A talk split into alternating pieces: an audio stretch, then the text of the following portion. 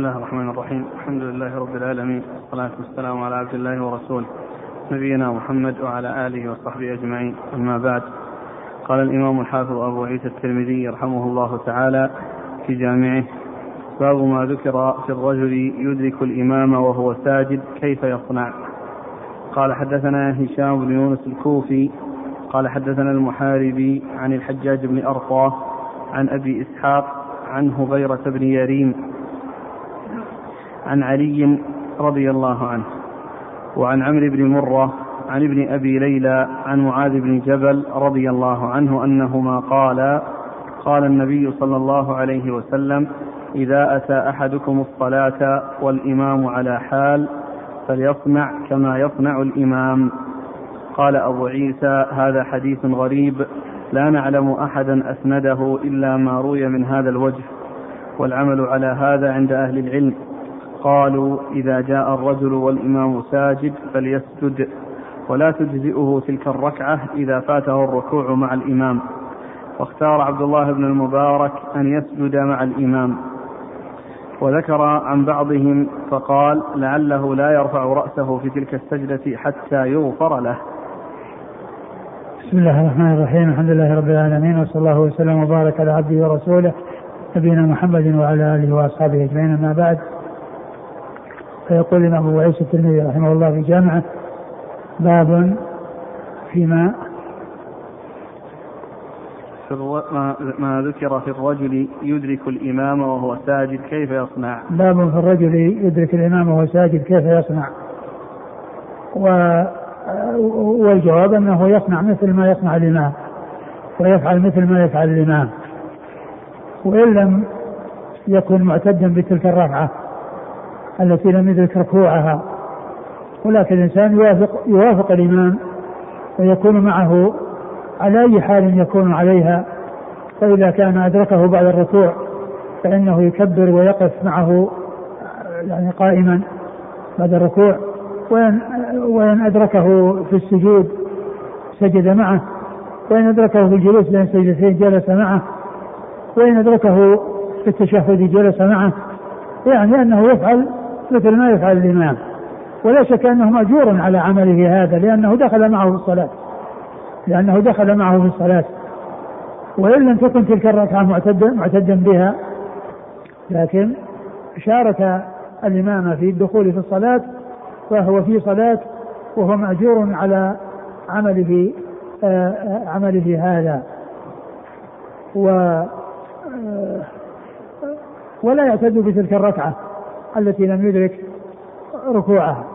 وقد أورد التلميذ رحمه الله حديث علي ومعاذ رضي الله تعالى عنهما أنه إذا جاء إذا جاء الرجل والإمام على حال فليصنع مثل ما يفعل الإمام. يعني إن أدركه في السجود سجد معه وإن أدركه في الجلوس جلس معه وإن أدركه في القيام بعد الركوع وقف معه وهكذا.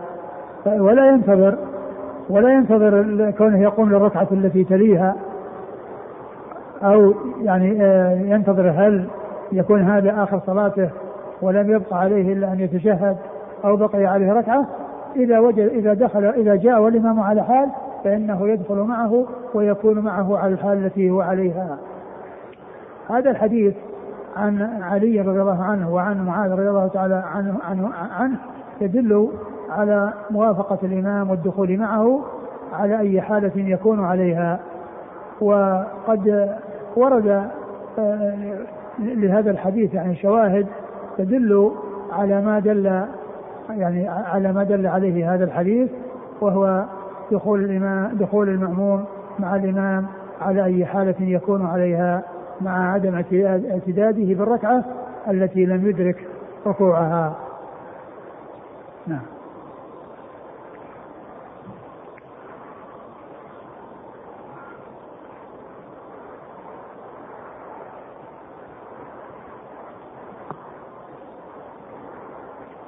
قال حدثنا هشام بن يونس الكوفي. هشام بن يونس الكوفي آه ثقة أخرجه الترمذي. عن المحاربي. عن المحاربي هو عبد الرحمن بن محمد بن زياد المحاربي وهو ثقة أخرج له. لا, لا بأس به. وهو لا بأس به وهو ابن عن صدوق أخرجه أصحاب كتب الستة إلا. جميعهم. أخرجه أصحاب كتب الستة. عن الحجاج بن أرطاه. عن الحجاج بن أرطاه وهو صدوق كثير التدليس و... كثير الخطأ والتدليس. كثير الخطأ والتدليس أخرج حديثه البخاري المفرد ومسلم وأصحاب السنن البخاري في المفرد ومسلم وأصحاب السنن عن هبيرة. عن أبي إسحاق. عن أبي إسحاق السبيعي عمرو بن عبد الله الهمداني السبيعي ثقة أخرجه أصحاب كتب الستة. عن هبيرة عن هبيرة بن يريم وهو لا بأس به. لا بأس به أخرج له أصحاب السنن. أصحاب السنن. عن علي. عن علي رضي الله عنه آه أمير المؤمنين ورابع الخلفاء الراشدين الهاديين المهديين صاحب المناقب الجمة والفضائل الكثيرة وحديثه عند أصحاب الكتب الستة. ومعاذ بن جبل رضي الله تعالى عنه آه أخرج حديثه أصحاب الكتب الستة. وعن عمرو بن مرة. وعن عمرو بن مرة ثقة أخرج له أصحاب الكتب الستة. عن ابن أبي ليلى. عن ابن أبي ابن أبي ليلى عبد الرحمن بن أبي ليلى وهو ثقة أخرجه أصحاب الكتب الستة. عن معاذ بن جبل. عن معاذ بن جبل رضي الله عنه وقد مر ذكره.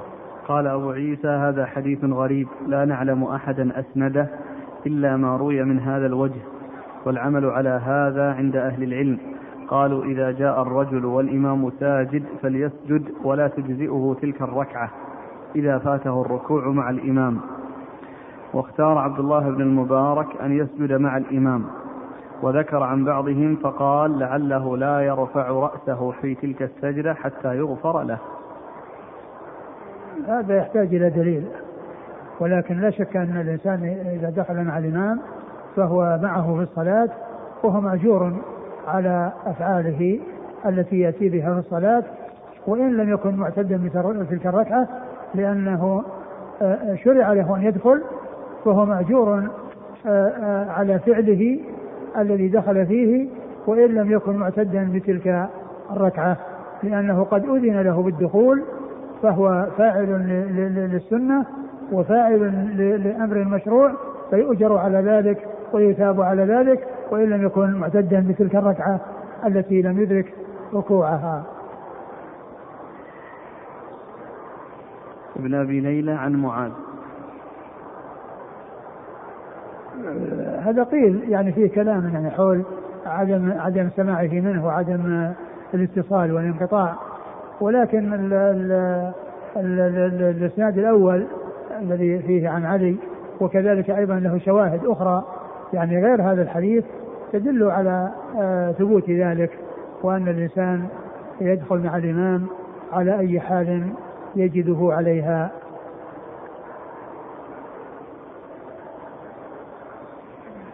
يقول السائل فضيلة الشيخ هل الأمر هنا للوجوب؟ الأصل أن الأوامر للوجوب إلا إذا جاء شيء يدل على عدم ذلك. وهل يكبر تكبيرة الإحرام ثم تكبيرة للنزول؟ إي نعم. إذا أدركت الإمام بعد الركوع أو بين السجدتين هل آتي بدعاء الاستفتاح بعد تكبيرة الإحرام؟ آه إذا أدركه يعني بعد الركوع أو أدركه بين السجدتين لا يأتي بدعاء الاستفتاح. أقول لا يأتي بدعاء الاستفتاح يعني بين السجدتين أو في حال التشهد. نعم.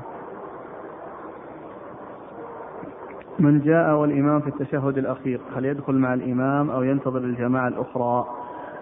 يدخل مع الإمام لأن هذه الجماعة محققة وليس فيها خلاف وأما الجماعة الثانية فمن أهل العلم من يخالف فيها. وكونه يدخل مع جماعة محققة وهو أيضا مأمور بالدخول بأن يفعل مثل ما يفعل الإمام لا شك أن هذا هو الأولى من انتظاره جماعة أخرى.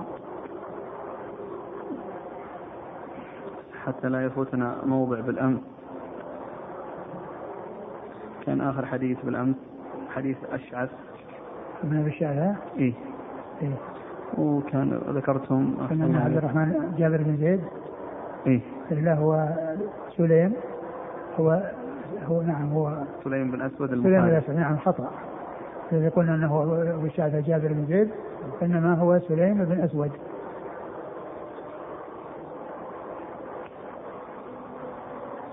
قال رحمه الله تعالى كراهية أن ينتظر الناس الإمام وهم قيام عند افتتاح الصلاة.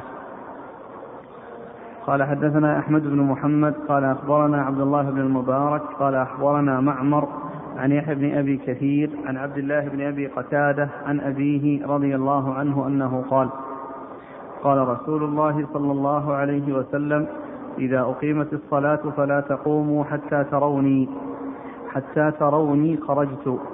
قال وفي الباب عن أنس وحديث أنس غير محفوظ. قال أبو عيسى حديث أبي قتادة حديث حسن صحيح. وقد كره قوم من أهل العلم من أصحاب النبي صلى الله عليه وسلم وغيرهم أن ينتظر الناس الإمام وهم قيام.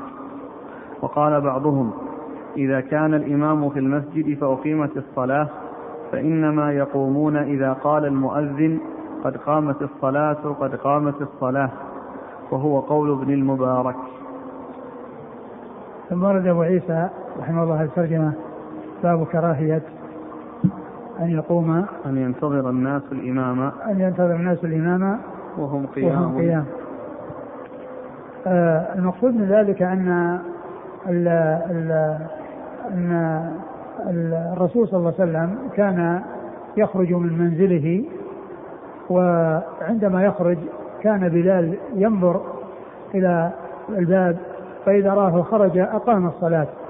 والمكان قريب فإذا فرغ من الإقامة وإذا رسول الله صلى الله عليه وسلم في مكانه الذي يصلي فيه في مكانه الذي يصلي فيه. والحديث يعني ورد في الصحيحين لكن بدون بدون ذكر الخروج الذي في آخره. يعني حتى قال حتى تروني. وذلك أن أنه قد يحصل أن تقام الصلاة ثم يكون الإمام يعني تأخر لأمر يعني آه، اقتضى ذلك فيترتب على ذلك طول قيامهم وذلك يؤثر عليهم. ومعلوم أن هذا فيما إذا كانت الجماعة قليلة. وأما إذا كانت الجماعة كثيرة ولا يعرفون آه، آه، ذلك إلا عن طريق سماع الإقامة فإنهم يقومون عندما عندما يسمعون الإقامة. والقيام عند سماع الإقامة من أولها. وبعض أهل العلم قال إنه إنما يقوم عند قد قامت الصلاة. عند قد قامت الصلاة. يعني في الذي هو لفظ الإقامة. والذي يظهر أن أنه عندما حصل حصلت الإقامة وحصل الشروع في الإقامة هذا إعلام بالقيام إلى الصلاة فإن الناس يقومون يعني في هذه الحال. لأن الإقامة شرعت لإعلام الناس بالقيام إلى الصلاة فإذا هم يقومون عندما يسمعون الإقامة. عندما يسمعون الإقامة. وإذا كان ال ال ال الإمام يعني آه، يرى يعني مكان خروجه وهو لم يخرج فإنهم لا يقومون لأنهم إذا قاموا يطول قيامهم وقد يشق ذلك عليهم. ولكن إذا كان آه، حصلت الإقامة بعد رؤية الإمام مقبلا من مكان خروجه وكان عليه الصلاة والسلام يخرج من من بابه المفتوح على المسجد وبلال ينظر إلى الباب فمن حين ما يرى النبي صلى الله عليه وسلم فإنه يقيم الصلاة وعندما يفرغ من الإقامة وإذا رسول الله صلى الله عليه وسلم في مصلاه وفي مكانه الذي يصلي فيه. والقيام كما عرفنا عند عند عند سماع الإقامة. فإن الإنسان يقوم بمجرد ما يسمع الإقامة فإنه يقوم الصلاة ولا يختص ذلك عند قد قامت الصلاة وأنه قبل ذلك لا يقوم. نعم. قال حدثنا أحمد بن محمد. أحمد بن محمد بن مردوية هو ثقة أخرج له البخاري والترمذي والنسائي. البخاري والترمذي والنسائي. عن عبد الله بن المبارك. عن عبد الله المبارك المروزي ثقة أخرج له أصحاب الكتب الستة. عن معمر. عن معمر بن راشد الأزدي البصري ثم اليماني ثقة أخرج له أصحاب الكتب الستة. عن يحيى بن أبي كثير. عن يحيى بن أبي كثير اليماني وهو ثقة أخرج له أصحاب الكتب الستة. عن عبد الله بن أبي قتادة. عن عبد الله بن أبي قتادة وهو ثقة أخرجه أصحاب الكتب الستة. عن أبيه أبي قتادة هو الحارث بن الربعي رضي الله تعالى عنه أخرج له أصحاب الكتب الستة. قال وفي الباب عن أنس. أنس بن مالك رضي الله عنه خادم رسول الله عليه الصلاة والسلام وأحد السبع المعروفين بكثرة الحديث عن النبي عليه الصلاة والسلام. وحديث أنس غير محفوظ. نعم. قال أبو عيسى حديث أبي قتادة حديث حسن صحيح. وقد كره قوم من أهل العلم من أصحاب النبي صلى الله عليه وسلم وغيرهم أن ينتظر الناس الإمام وهم قيام. وقال بعضهم إذا كان الإمام في المسجد فأقيمت الصلاة فإنما يقومون إذا قال المؤذن قد قامت الصلاة قد قامت الصلاة. وهو قول ابن المبارك.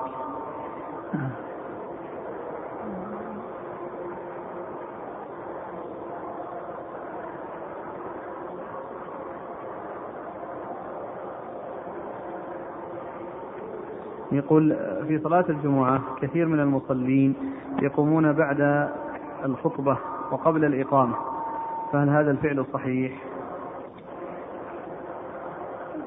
لا بأس بذلك لأن الإقامة تأتي بعد ذلك مباشرة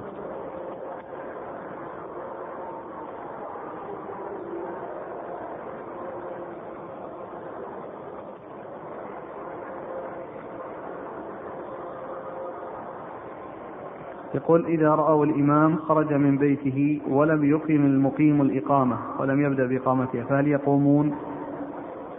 لا يقومون إذا وجدت الإقامة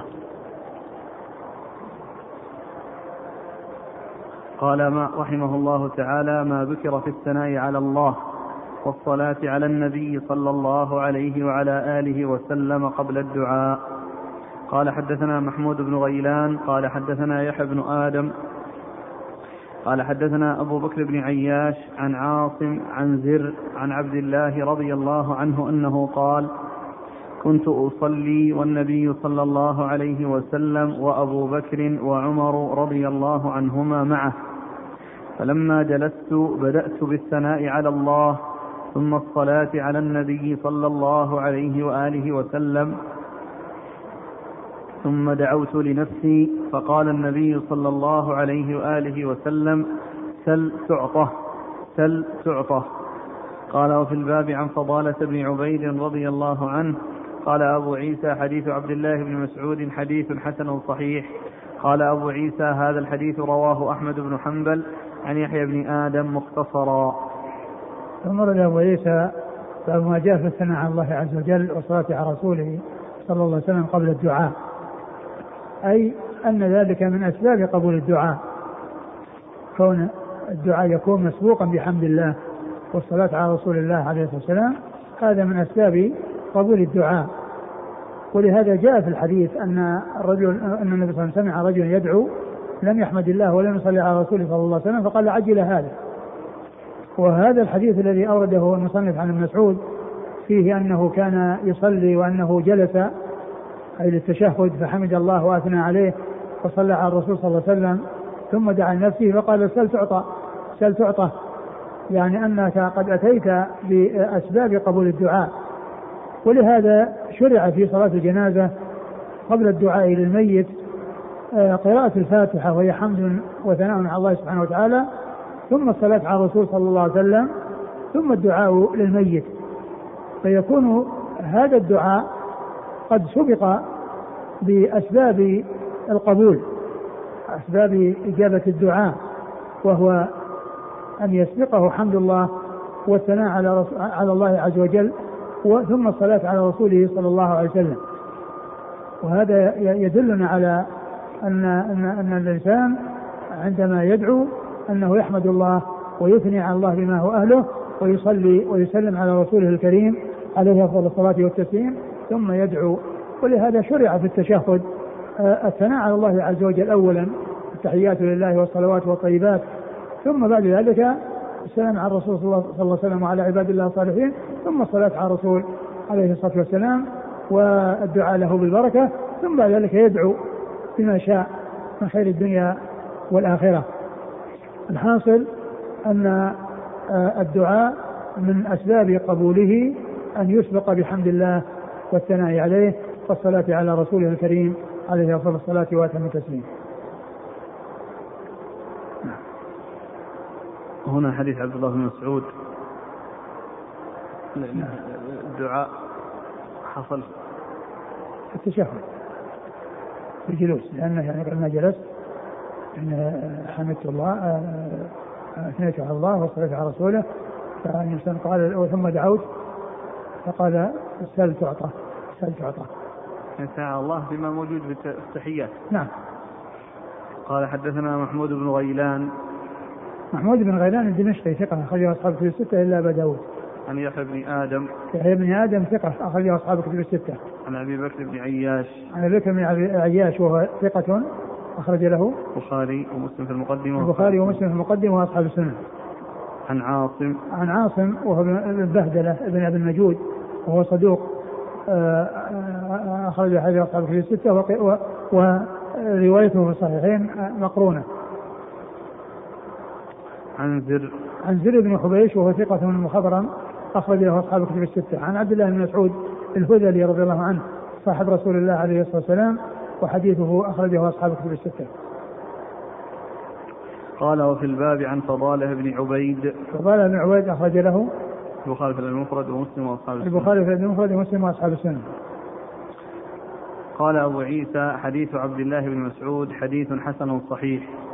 قال أبو عيسى هذا الحديث رواه أحمد بن حنبل عن يحيى بن آدم مختصرا. أحمد بن حنبل أحمد بن محمد بن حنبل الشيباني الإمام الفقيه المحدث أحد أصحاب أحد أصحاب المذاهب الأربعة المشهورة من مذاهب أهل السنة وحديثه أخرجه أصحاب كتب الستة.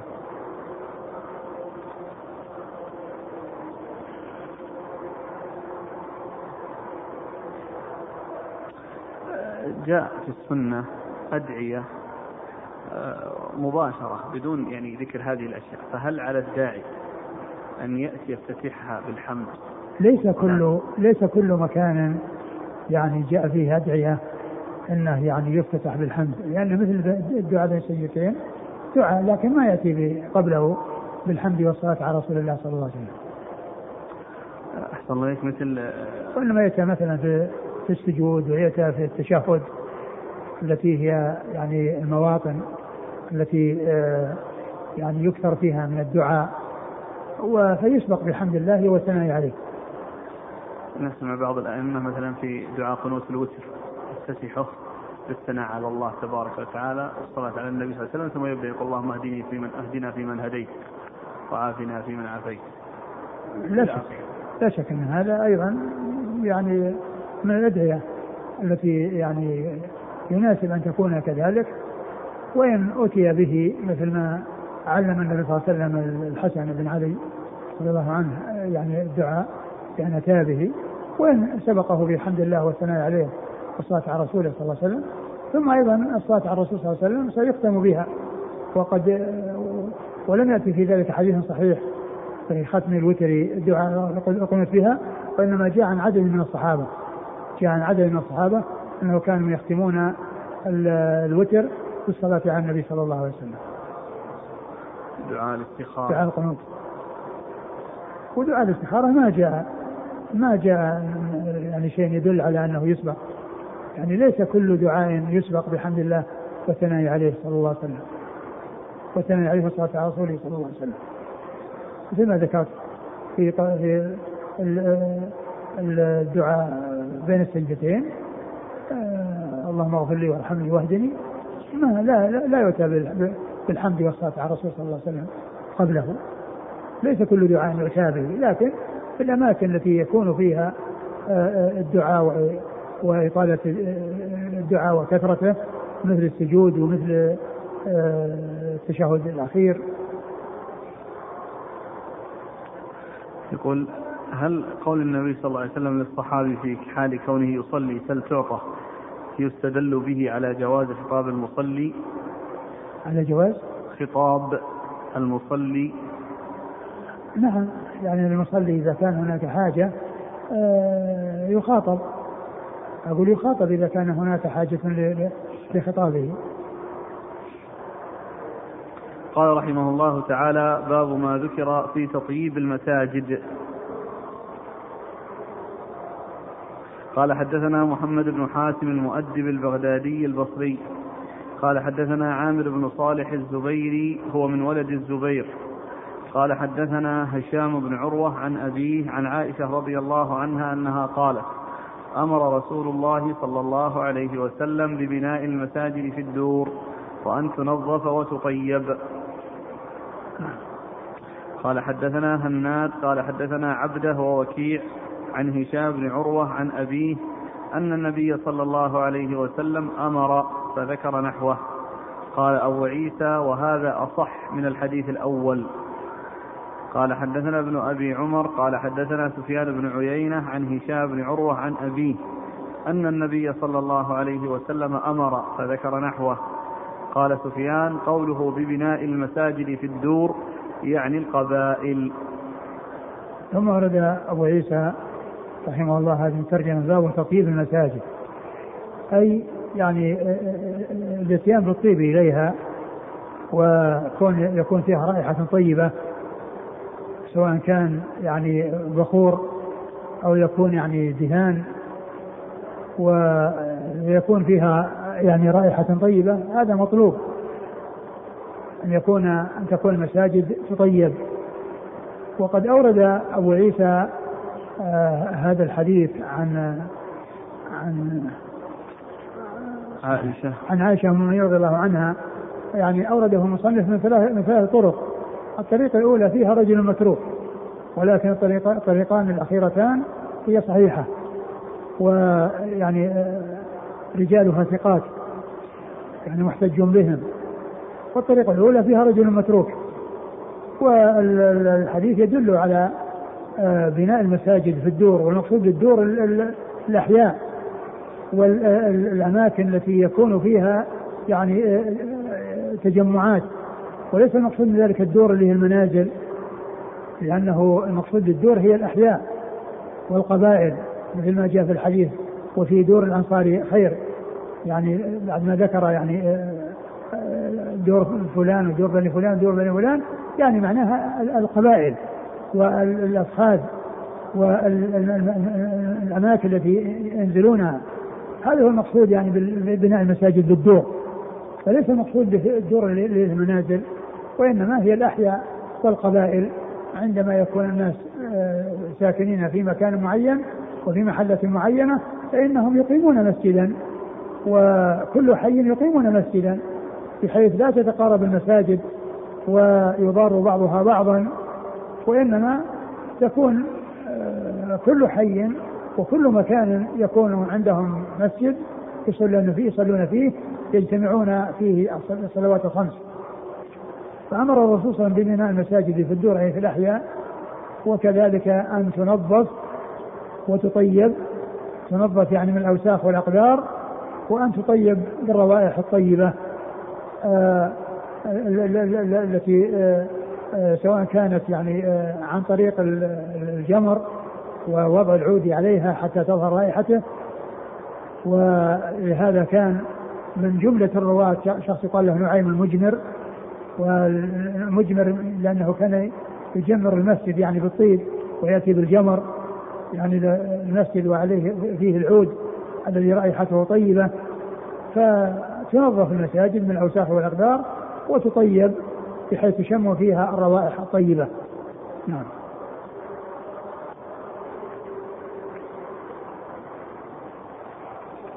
قال حدثنا محمد بن حاتم المؤدب البغدادي البصري. محمد بن حاتم المؤدب البغدادي البصري هو ثقة أخرجه الترمذي والنسائي. ثقة أخرجه الترمذي والنسائي. والبغدادي البصري يعني نسبتين يعني ينسب إلى إلى إلى إلى, إلى البلدين. ينسب إلى بغداد وإلى البصرة. نعم. عن عامر بن صالح الزبيري من ولد الزبير. عن عامر بن صالح الزبيري متروك. أخرج له. الترمذي. أخرجه الترمذي. عن هشام بن عروة. عن هشام بن عروة ثقة. أخرجه أصحاب كتب الستة. عن أبيه عروة بن الزبير بن العوام ثقة فقيه. أحد فقهاء المدينة السبعة في عصر التابعين. أخرجه أصحاب كتب الستة. عن عائشة أم المؤمنين رضي الله عنها وأرضاها الصديقة بن الصديق. وهي واحدة من سبعة أشخاص عرفوا بكثرة الحديث عن النبي صلى الله عليه وسلم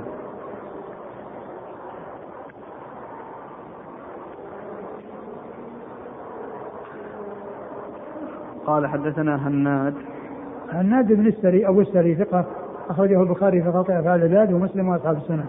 عن عبده عن عبده بن سليمان ثقة أخرجه أصحاب الكتب الستة. ووكيع وكيع بن الجراح الرؤاسي الكوفي ثقة أخرج له أصحاب الكتب الستة. عن هشام بن عروة عن أبيه نعم عن النبي صلى الله عليه وسلم. وهذا مرسل. نعم. قال أبو عيسى وهذا أصح من الحديث الأول. يعني من حيث الإسناد لأن هذا فيه رجاله ثقات وذاك فيه آآ آآ عامر عامر بن بن صالح الزبيري بن صالح الزبيري وهو متروك قال حدثنا ابن أبي عمر ابن أبي عمر العدني محمد بن يحيى وهو صدوق أخرجه البخاري مسلم أخرجه مسلم والترمذي والنسائي والترمذي والنسائي وابن ماجه عن سفيان بن عيينة سفيان بن عيينة المكي ثقة أخرجه أصحاب الكتب الستة. عن هشام بن عروة عن أبيه عن النبي صلى الله عليه وسلم. عن هشام بن عروة عن أبيه عن النبي صلى الله عليه وسلم وهو مرسل.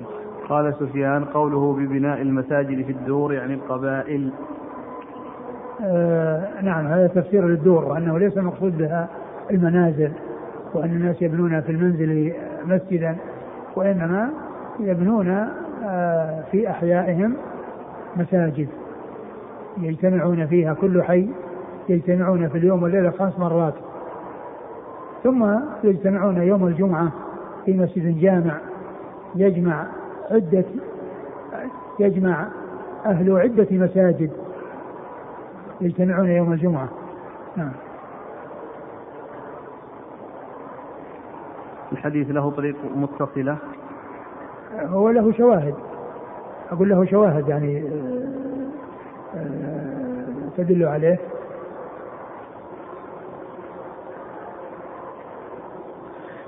يقول السائل ما حكم تطيب المساجد في نهار رمضان؟ لا بأس بذلك بس لا يشم البخور. يعني الإنسان يشمه بحيث يعني يدخل إلى جوفه وأما كون الطيب يعني يكون موجود والناس يشمونه دون أن يستصعقونه فإنه لا بأس بذلك. والصائم يتطيب يتطيب حتى بالبخور لكن لا يستصعطه ولا يعني يجعله عند أنفه بحيث يعني يستصعطه ويجذبه. ولكن كونه يطيب ثيابه ويطيب يعني آآ آآ آآ المكان الذي يكون فيه لا بأس بذلك. كونه يشم الطيب دون أن يستصعطه جائز. ويقول ما حكم تطيب المساجد التي يحرم منها بالعمرة أو الحج؟ آه، لا بأس بذلك لكن الإنسان لا يتطيب المحرم لا يتطيب وكونه يشم الطيب لا يضره. وهذا يسأل عن تطيب المساجد بالعطور الكحولية. الكحول يعني كما كما هو معلوم آه، هي من الأمور المشتبهة والإنسان يترك آه، ما فيه شبهة إلى ما لا شبهة فيه.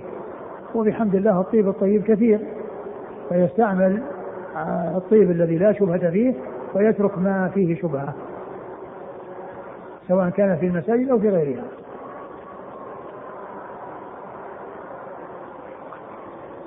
يقول في بعض البلاد الإسلامية فإن المسلمين إذا ذهبوا إلى بعض المساجد أخذوا معهم الزهور والورود فهل هذا جائز؟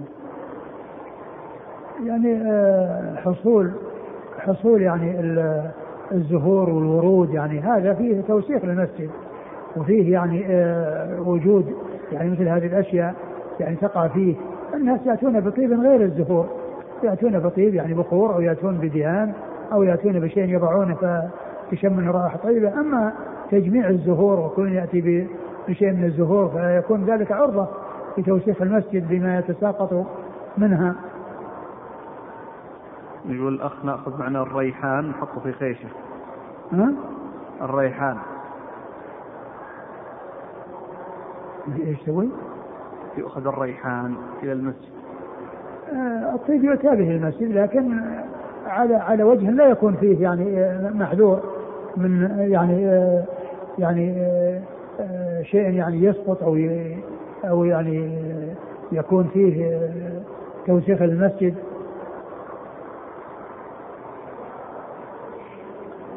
مما انتشر بين الناس أن إماطة الأذى من المسجد مهر الحور العين. فهل لهذا أصل؟ لا نعلم لا أعلم لهذا أصلا.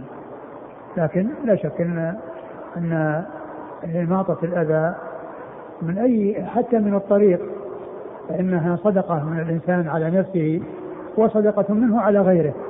ولا شك أن إماطة الأذى من المساجد أعظم وأعظم.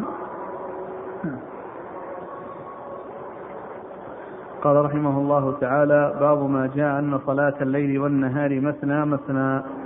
قال حدثنا محمد بن بشار قال حدثنا عبد الرحمن بن مهدي قال حدثنا شعبة عن يعلى بن عطاء عن علي الأزدي عن ابن عمر رضي الله عنهما عن النبي صلى الله عليه وسلم أنه قال صلاة الليل والنهار مثنى مثنى قال أبو عيسى اختلف أصحاب شعبة في حديث ابن عمر فرفعه بعضهم وأوقفه بعضهم نعم. وروي عن عبد الله العمري عن نافع عن ابن عمر رضي الله عنهما عن النبي صلى الله عليه وسلم نحو هذا والصحيح ما روي عن ابن عمر أن النبي صلى الله عليه وسلم قال صلاة الليل مثنى مثنى. وروى الثقات عن عبد الله بن عمر عن النبي صلى الله عليه وآله وسلم ولم يذكروا فيه صلاة النهار. وقد روي عن عبيد الله عن نافع عن ابن عمر أنه كان يصلي بالليل مثنى مثنى وبالنهار أربعا وقد اختلف أهل العلم في ذلك فرأى بعضهم أن صلاة الليل والنهار مثنى مثنى وهو قول الشافعي أحمد. وقال بعضهم صلاة الليل مثنى مثنى ورأوا صلاة التطوع بالنهار أربعا مثل الأربع قبل الظهر وغيرها من صلاة التطوع وهو قول سفيان الثوري وابن المبارك وإسحاق. ثم أبو عيسى هذه الترجمة باب صلاة الليل والنهار مثنى مثنى. يعني أنه يسلم من كل ركعتين يسلم من كل ركعتين هذا هو معنى قوله مثنى مثنى. وليس المقصود من ذلك أنه يأتي بركعتين ثم يجلس ويتشهد ثم يقوم لأن هذه لا يقال لها مثنى مثنى وإنما مثنى مثنى التي تكون بالسلام يعني يسلم من كل ركعتين هذه هي التي تكون مثنى مثنى سواء كانت في الليل أو بالنهار. والأحاديث كثيرة وردت في صلاة الليل مثنى مثنى. ورد يعني هذا الحديث في صلاة الليل والنهار مثنى مثنى وهو صحيح يعني ثابت. فتكون صلاة صلاة الليل والنهار يسلم كل ركعتين. وما جاء في صلاة النهار من أنه يجمع بين الأربع بسلام واحد وبتشهدين فإنه يؤتى به وإن أتى به مثنى مثنى فله ذلك. يعني ما ورد من أنه يؤتى به على هيئة الجمع بسلام واحد كأن يتشهد بين ركعتين وركعتين فله ذلك وله أن يأتي به أيضا على صلاة الليل صلاة الليل والنهار مثنى مثنى بأن يسلم كل ركعتين. فإذا صلاة الليل والنهار مثنى مثنى وما جاء في النهار من أنه يجمع فيه بين آه، آه، أربع ركعات بتشهدين دون وبسلام واحد فللإنسان يفعل هذا وله أن يفعل الشيء الآخر الذي هو كونه يسلم من كل ركعتين. وقد أورد أبو عيسى حديث عمر رضي الله تعالى عنهما الذي قال فيه النبي صلى الله عليه وسلم صلاة الليل والنهار مثنى مثنى. و ثم ذكر أن صلاة الليل أن قول صلاة الليل مثنى مثنى هو الأصح نعم هو الذي ثبت في طرق صحيحة مستقلة ولكن هذا أيضا جاء فيه الجمع بين الليل والنهار وأن صلاتهما مثنى مثنى فهذا صحيح وذاك صحيح وهو أصح من حيث الرواية ومن حيث تعدد الطرق ومجيء الأحاديث في ذلك. لكن كونه جاء في الليل مثنى مثنى لا يؤثر على ما جاء في هذا الحديث الذي جمع فيه بين الليل والنهار وأن الصلاة فيهما مثنى مثنى. نعم. فيكون يعني ما دام أنه جاء في صلاة أربع ركعات في النهار كيف يوجه ذكر النهار؟ يمكن يمكن يؤتى به يعني بناء على قوله صلاة الليل والنهار مثنى مثنى بأن يؤتى به ركعتين ويسلم ركعتين ويسلم. وأن يأتي به أيضا على هذا النحو الذي جاء في أنه يعني يجلس بين الثنتين والثنتين آه، يعني يصلي يسلم على الأنبياء والمرسلين ويأتي بالتشهد الذي آه، الذي هو تشهد ابن مسعود وغيره من التشهدات ويكون كل كل كل ما ورد فهو صحيح كل ما ورد يؤخذ به فله أن يجمع بتشه... في سلام واحد بتشهدين وله أن يصلي كل ركعتين على حدة ويسلم. لكن قصدي أن الحديث الآن إذا قلنا أنه يجوز يجي بأربع متصلة والحديث يقول صلاة النهار مثنى. بس هذا ثبت وهذا ثبت. إذا لابد من إضافة يعني يقول أن صلاة الليل يمكن يؤتى بهذا وبهذا. من أتى بهذا فمعه دليل ومن أتى بهذا معه دليل من صلى ركعتين وسلم معه دليل ومن جمعها معه دليل. وكل ما ورد في السنة جائز. لكن هنا اللفظ أحسن الله إليك. صلاة الليل والنهار. يعني ليس قصر. ليش؟ ليس قصر. ليس, ليس قصر ليس تحديد ليس حصر أن الصلاة ما تأتي إلا بركعتين. لا هذا بيان أنها تكون بهذه الطريقة. لكن ما جاء أنها تكون بطريقة أخرى فإنه يؤخذ بها. وإذا أتي بصلاة اثنتين وسلم ثم اثنتين وسلم فهو داخل تحت صلاة الليل والنهار مثلا قال حدثنا محمد بن بشار محمد بن بشار ملقب من دار ثقة أخرجه أصحاب في الستة وهو شيخ لأصحاب في الستة. عن عبد الرحمن بن مهدي. عبد الرحمن بن مهدي البصري ثقة أخرجه أصحاب في الستة. عن شعبة. عن شعبة بن الحجاج الواسطي ثم البصري ثقة أخرجه أصحاب في الستة. عن يعلى بن عطاء. يعلى بن عطاء وهو ثقة أخرجه أصحاب في الستة. البخاري جزء القراءة ومسلم. البخاري جزء القراءة ومسلم وأصحاب السنة. عن علي الأزدي. عن علي الأزدي وهو صدوق أخرج له مسلم وأصحاب السنن. مسلم وأصحاب السنن. عن ابن عمر. عن عبد الله بن عمر بن الخطاب رضي الله عنهما أحد العباد الأربعة من الصحابة وأحد السبعة المكثرين من رواية حديث رسول الله صلى الله عليه وسلم. قال أبو عيسى اختلف أصحاب شعبة في حديث ابن عمر فرفعه بعضهم وأوقفه بعضهم. وروي عن عبد الله العمري عن نافع عن ابن عمر نحو هذا. عبد الله العمري هو عبد الله بن عمر العمري وهو ضعيف. أخرج له. مسلم وأصحاب السنة. مسلم وأصحاب السنة. نافع مولى بن عمر ثقة. أخرجه أصحاب كتب الستة. والصحيح ما روي عن ابن عمر أن النبي صلى الله عليه وسلم قال صلاة الليل مثنى مثنى. نعم هذا صحيح لكن لا ينفي أن يكون هذا الذي جاء في الليل والنهار صحيحا. وروى الثقات عن عبد الله بن عمر عن النبي صلى الله عليه وسلم ولم يذكروا فيه صلاة النهار. نعم يعني صلاة صلاة الليل مثنى مثنى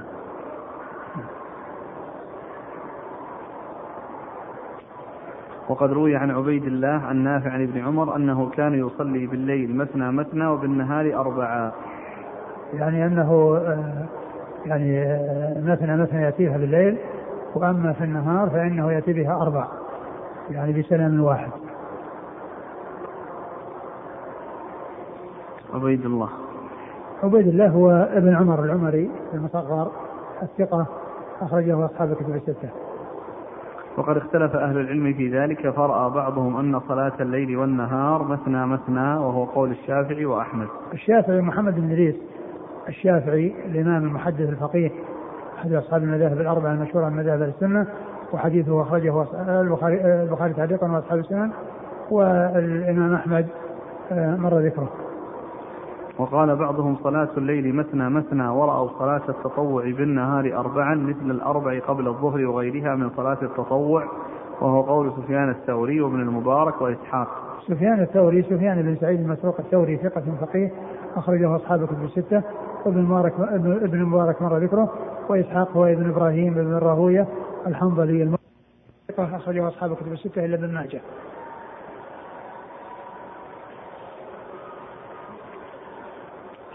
مع أن حتى صلاة الليل جاء فيها أنها تصلى بأكثر من مثنى مثنى. نعم جاء جاء في صلاة الليل. يصلي أربعا. لا تسأل عن حسنهن وطولهن وهذا يحتمل يحتمل أن كما سبق أن مر بنا يحتمل أن تكون يعني يسلم بين كل اثنتين ولكن ذكرت الأربع لتماثلها وتناسبها وفسر بأنها تكون متصلة مع بعض.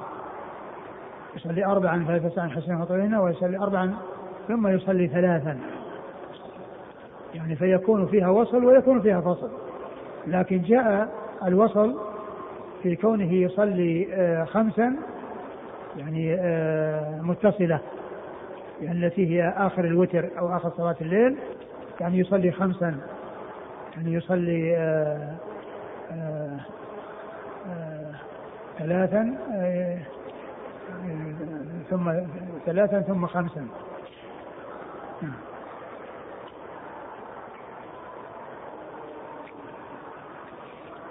قال رحمه الله تعالى كيف كان تطوع النبي صلى الله عليه وسلم بالنهار؟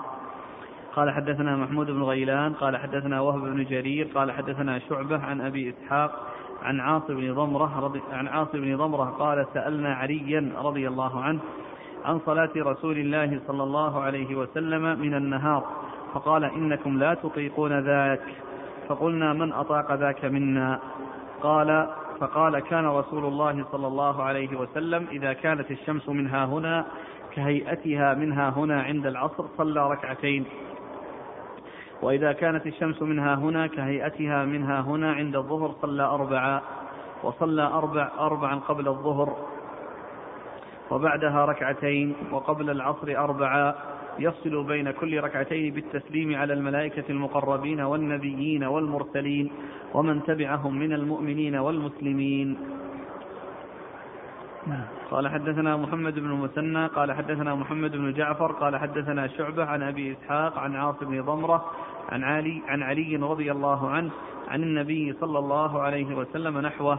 قال أبو عيسى هذا حديث حسن. وقال إسحاق بن إبراهيم أحسن شيء روي في تطوع النبي صلى الله عليه وسلم في النهار هذا. وروي عن عبد الله بن المبارك أنه كان يضعف هذا الحديث وإنما ضعفه عندنا والله أعلم لأنه لا يروى مثل هذا عن النبي صلى الله عليه وسلم إلا من هذا الوجه عن عاصم بن ضمرة عن علي. وعاصم بن ضمرة هو ثقة عند بعض أهل العلم. قال علي بن المديني قال يحيى بن سعيد القطان قال سفيان كنا نعرف فضل حديث عاصم بن ضمرة على حديث الحارث. ثم ورد أبو عيسى رحمه الله باب كيفية كيف تطوع كيف تطوع الرسول صلى الله عليه وسلم بالنهار. كيف تطوع الرسول صلى الله عليه وسلم بالنهار؟ وأورد فيه حديث علي رضي الله عنه الذي سئل عن صلاة تطوع الرسول صلى الله عليه وسلم بالنهار. وهذا يدل على حرص السلف على معرفة آه، أفعال الرسول صلى الله عليه وسلم وسنته ليقتدوا به فيها وليتابعوا فيها صلوات الله وسلامه وبركاته عليه. فقال إنكم لا تطيقون ذلك. قالوا آه قالوا من أطاق ذاك منا؟ من أطاق ذاك منا؟ يعني أخذ به وفعله. من أطاق ذلك منا؟ أي أخذ به وفعله. فأخبرهم رضي الله تعالى عنه بأنه كان يصلي من النهار ست عشرة ركعة. يعني ركعتين بعد طلوع الشمس وارتفاعها وأربع ركعات قبل الزوال وأربع ركعات بعد الزوال وقبل صلاة الظهر وركعتين بعد الظهر وأربع ركعات قبل صلاة العصر. فيكون المجموع ستة عشرة ركعة. يعني ركعتين وأربع ست وأربع يعني بعد الظهر هذه عشر واثنتين بعد الظهر اثنى عشر وأربع قبل العصر ستة عشر يعني ركعة. وذكر وذكر تفصيل ذلك لأنه إذا كانت الشمس من ها هنا إلى جهة المغرب مثلها من ها هنا من جهة المشرق أي أنها قد ارتفعت يعني آه بعد طلوعها فإنه يصلي ركعتين. وهاتان الركعتان لعلهما الركعتان المتصلتان بالجلوس بعد صلاة الفجر. لأن النبي صلى الله عليه وسلم كان يصلي أيضا في نفس اليوم قبل الظهر أربع ركعات يعني قبل الزوال قبل الزوال. قال إذا كانت من ها هنا يعني من جهة المغرب كما كهي من ها هنا من جهة المشرق فإنه يصلي يعني قبل أن تزول الشمس. لكنه قريب من الزوال. قريب من الزوال. وإذا آه، وقبل صلاة الظهر يصلي أربعا وبعدها يصلي ركعتين وقبل العصر يصلي أربعا. ذكر وصفهن وأنه يفصل بينهن بالسلام على الأنبياء والمرسلين والملائكة المقربين. وهذا يعني من من من, من الأحاديث التي فيها آه، الوصل بالنسبة للأربع. يعني قبل صلاة العصر.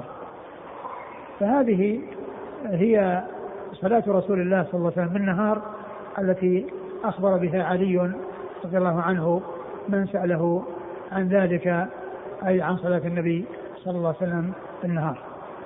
نعم.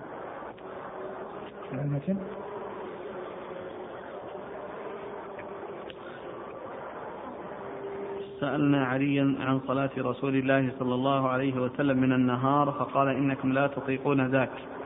فقلنا من أطاق ذاك منا؟ فقال كان رسول الله صلى الله عليه وسلم إذا كانت الشمس منها هنا كهيئتها منها هنا عند العصر. صلى ركعتين.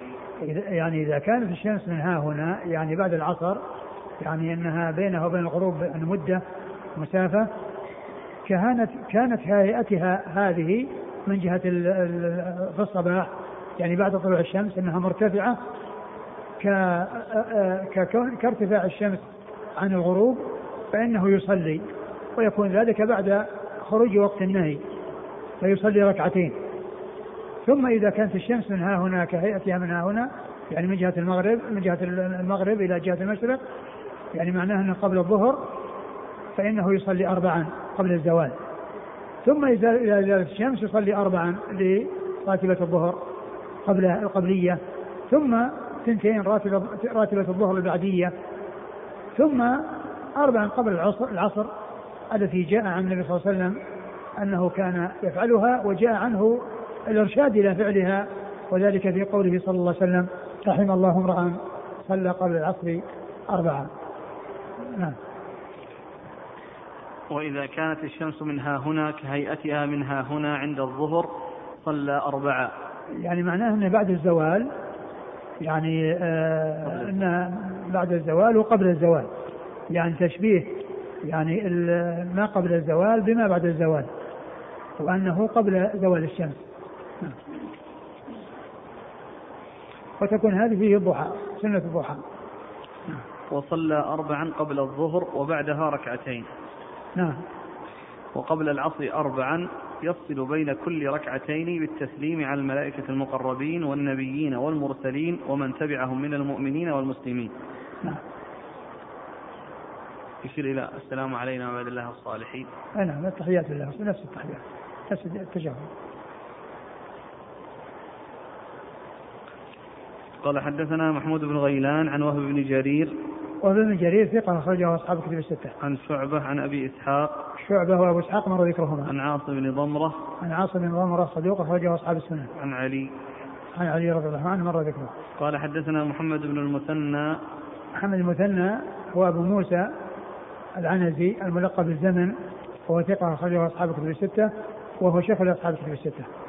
عن محمد بن جعفر محمد بن جعفر الملقب غندر البصري ثقة أخرجه أصحاب الكتب الستة. عن شعبة عن أبي إسحاق عن عاصم بن ضمرة عن علي. نعم. قال أبو عيسى هذا حديث حسن. وقال إسحاق بن إبراهيم أحسن شيء روي في تطوع النبي صلى الله عليه وسلم في النهار هذا. إبراهيم هو بن يزيد بن قيس النقعي إسحاق بن إبراهيم. إسحاق بن إبراهيم هو بن راهوية مر ذكره. وروي عن عبد الله بن المبارك أنه كان يضعف هذا الحديث. وإنما ضعفه عندنا والله أعلم لأنه لا يروى مثل هذا عن النبي صلى الله عليه وسلم إلا من هذا الوجه عن عاصم بن ضمرة عن علي. وعاصم بن ضمرة هو ثقة عند بعض أهل العلم. قال علي بن المديني قال يحيى بن سعيد القطان قال سفيان كنا نعرف فضل حديث عاصم بن ضمرة على حديث الحارث. علي بن المديني ثقة أخرج حديثه البخاري وأبو داود والترمذي والنسائي وابن ماجه في التفسير.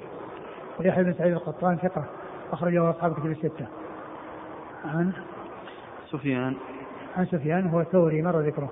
كنا نعرف فضل حديث عاصم بن ضمرة على حديث الحارث. والحارث هو الأعور الذي هو ضعيف. قال رحمه الله تعالى في باب في كراهية الصلاة في لحف النساء قال حدثنا محمد بن عبد الأعلى قال حدثنا خالد بن الحارث عن أشعث وهو ابن عبد الملك عن محمد بن سيرين عن عبد الله بن شقيق عن عائشة رضي الله عنها أنها قالت كان رسول الله صلى الله عليه وسلم لا يصلي في لحف نسائه. قال أبو عيسى هذا حديث حسن صحيح وقد روي عن النبي صلى الله عليه وسلم رخصة في ذلك. ثم أبو عيسى باب كراهية. الصلاة في لحف النساء. كراهية الصلاة في لحف النساء. والمقصود باللحف هو ما يكون يعني فوق اللباس وفوق الغطاء الغطاء الأخير الذي يلتحف به يعني من البرد ويتقى به البرد. ف آه، جاء عن النبي صلى الله عليه وسلم أنه كان لا يصلي في لحف نسائه كما في حديث عائشة هذا وجاء الرخصة في ذلك. وأنه كان مرة أخذ آه، لحافا وذهب وصلى به صلى الله عليه وسلم. فدل ذلك على أن على جواز الصلاة في لحف النساء وأن وما جاء من النهي محمول على على على كراهة التنزيه وأنه ليس في التحريم لأنه جاء عن النبي صلى الله عليه وسلم ما يدل على فعله وعلى الترخيص فيه. ف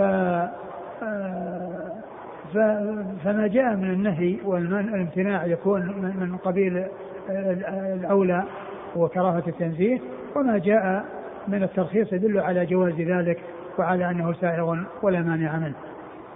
نعم. قال حدثنا محمد بن عبد الأعلى. محمد بن عبد الأعلى ثقة أخرج له. مسلم وأبو داود في القدر والترمذي والنسائي بن ماجه. مسلم وأبو داود في القدر والترمذي والنسائي وابن ماجه. نعم. عن خالد بن الحارث خالد بن الحارث ثقة أخرجه أصحاب كتب الستة. عن أشعث هو عبد بن عبد الملك. أشعث بن عبد الملك الحمراني وهو ثقة أخرجه البخاري تعليقا وأصحاب السنة. محمد بن سيرين. عن محمد بن سيرين وهو ثقة أخرجه أصحاب كتب الستة. عن عبد الله بن شقيق. عن عبد الله بن شقيق العقيلي وهو صدوق أخرج له ثقة ثقة وهو ثقة أخرج له المفرد ومسلم وأصحاب السنة البخاري في المفرد ومسلم وأصحاب السنة عن عائشة عن عائشة أم المؤمنين رضي الله عنها وقد مر ذكرها قال أبو عيسى هذا حديث حسن صحيح وروي عن النبي صلى الله عليه وسلم رخصة في ذلك. نعم. قال رحمه الله تعالى باب ذكر ما يجوز من المشي والعمل في صلاة التطوع. والله تعالى أعلم وصلى الله وسلم وبارك على عبده ورسوله نبينا محمد وعلى آله وأصحابه أجمعين. جزاكم الله خيرا وبارك الله فيكم ونفعنا الله ما قلتم.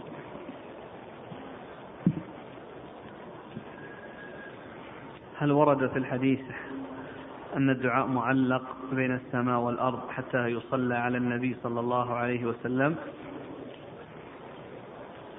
ورد في هذا الشيء ما أدري عن صحته ما أدري الشارع ذكر شيء عند حديث آه، حديث حديث مسعود الذي قال سل تعطى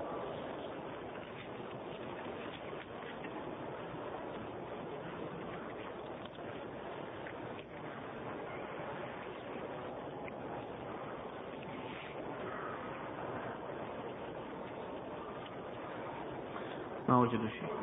ما في شيء؟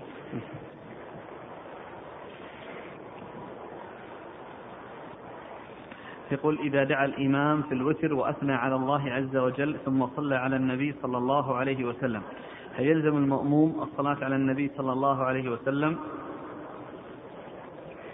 آه إذا إذا إذا قال اللهم صل على محمد يقول آمين لأن هذا دعاء. وكذلك إذا أثنى على الله عز وجل فإنه لا يقول آمين لأن هذا ليس دعاء ولكنه يثني أيضا على الله عز وجل بأن يقول سبحانه. مثلا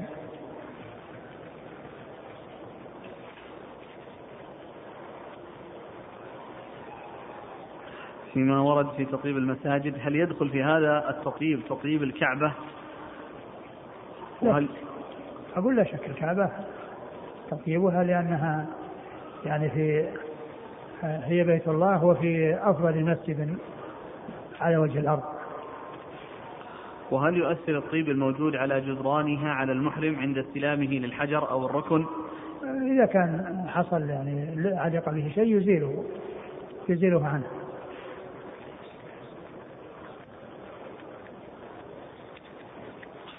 يقول إذا كان المسجد تحت يد الصوفية أو غيره من أهل البدع فهل يعانون على تنظيف ذلك المسجد أو غيره أو غير ذلك مما قد يؤدي إلى إعلاء شوكتهم؟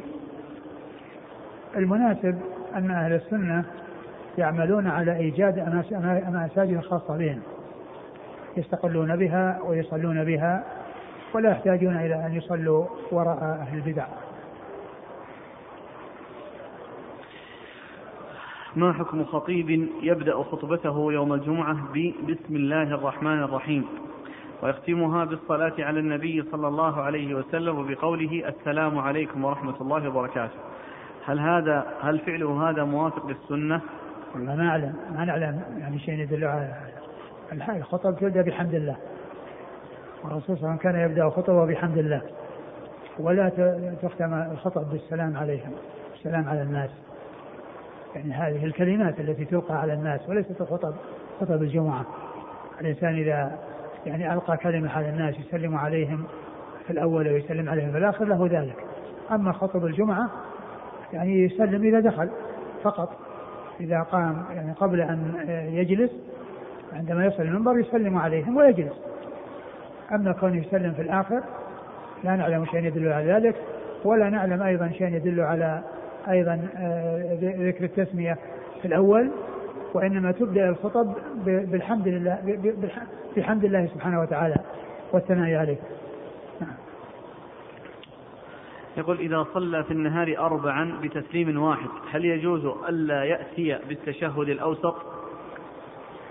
آه الذي ورد أنه يؤتى بالتشهد الأوسط. أنه يؤتى بالتشهد الأوسط. لكن ورد في بعض الروايات أنه يصلي أربعا يعني آه، أنه يصلي أربعا. وكما جاء ذكره المصنف أنه يصلي قبل الظهر ركعتين وبعدها أربعا أو كذا يعني جاء عن بعض عن بعض السلف نادي الصحابة ومن غيرهم سبق أن مر بنا. فيحتمل أن يكون أن تكون مسرودة. ولكن الذي جاء عن النبي صلى الله عليه وسلم فيما يتعلق بالعصر وفيما يتعلق بأربعا قبل الظهر أنه يجلس في آه، بين آه، الركعتين الأولين والركعتين الأخيرتين. يقول هل يقاس على تطيب المساجد الزخرفة زخرفتها وتزيينها؟ لا الزخرفة لا لا تشرع ولا تجوز.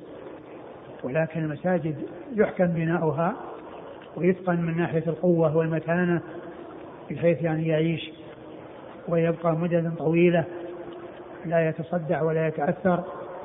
يعني لا يكون البناء ضعيفا يعني يمكن أن يحصل معه تصدع كونه يحكم ويتقن هذا مطلوب. ولكن الزخرفة والزينة هذا يعني جاء ما يدل على المنع من ذلك. يقول فضيلة الشيخ أنوي السفر يوم الأربعاء لزيارة قريب في جدة. والبقاء عنده حتى يوم الجمعة الذي أريد فيه أداء العمرة ثم العودة. فمتى يلزمني النية من الميقات أم من جدة؟ إذا كنت عازما على العمرة وأنت في المدينة فيجب عليك الإحرام من المدينة. وسواء ذهبت إلى جدة وبقيت على إحرامك أو ذهبت إلى مكة وطفت وسعيت وانتهيت من العمرة ثم ذهبت إلى جدة. لك هذا ولك هذا. فإذا كانت النية موجودة عندك في العمرة وأنت في المدينة فيتعين عليك أن تحرم من ميقات المدينة. هذا يسأل عن كتاب العلم الشامخ في إيثار الحق على الآباء. العلم, العلم الشامخ في إيثار الحق على الآباء والمشايخ. كتاب فيه فيه أشياء طيبة وأشياء يعني فيها فيها نظر. يعني آه ليس سليما. يعني فيه فيه أشياء. جزاكم الله خيرا وبارك الله فيكم ونفعنا الله ما قلت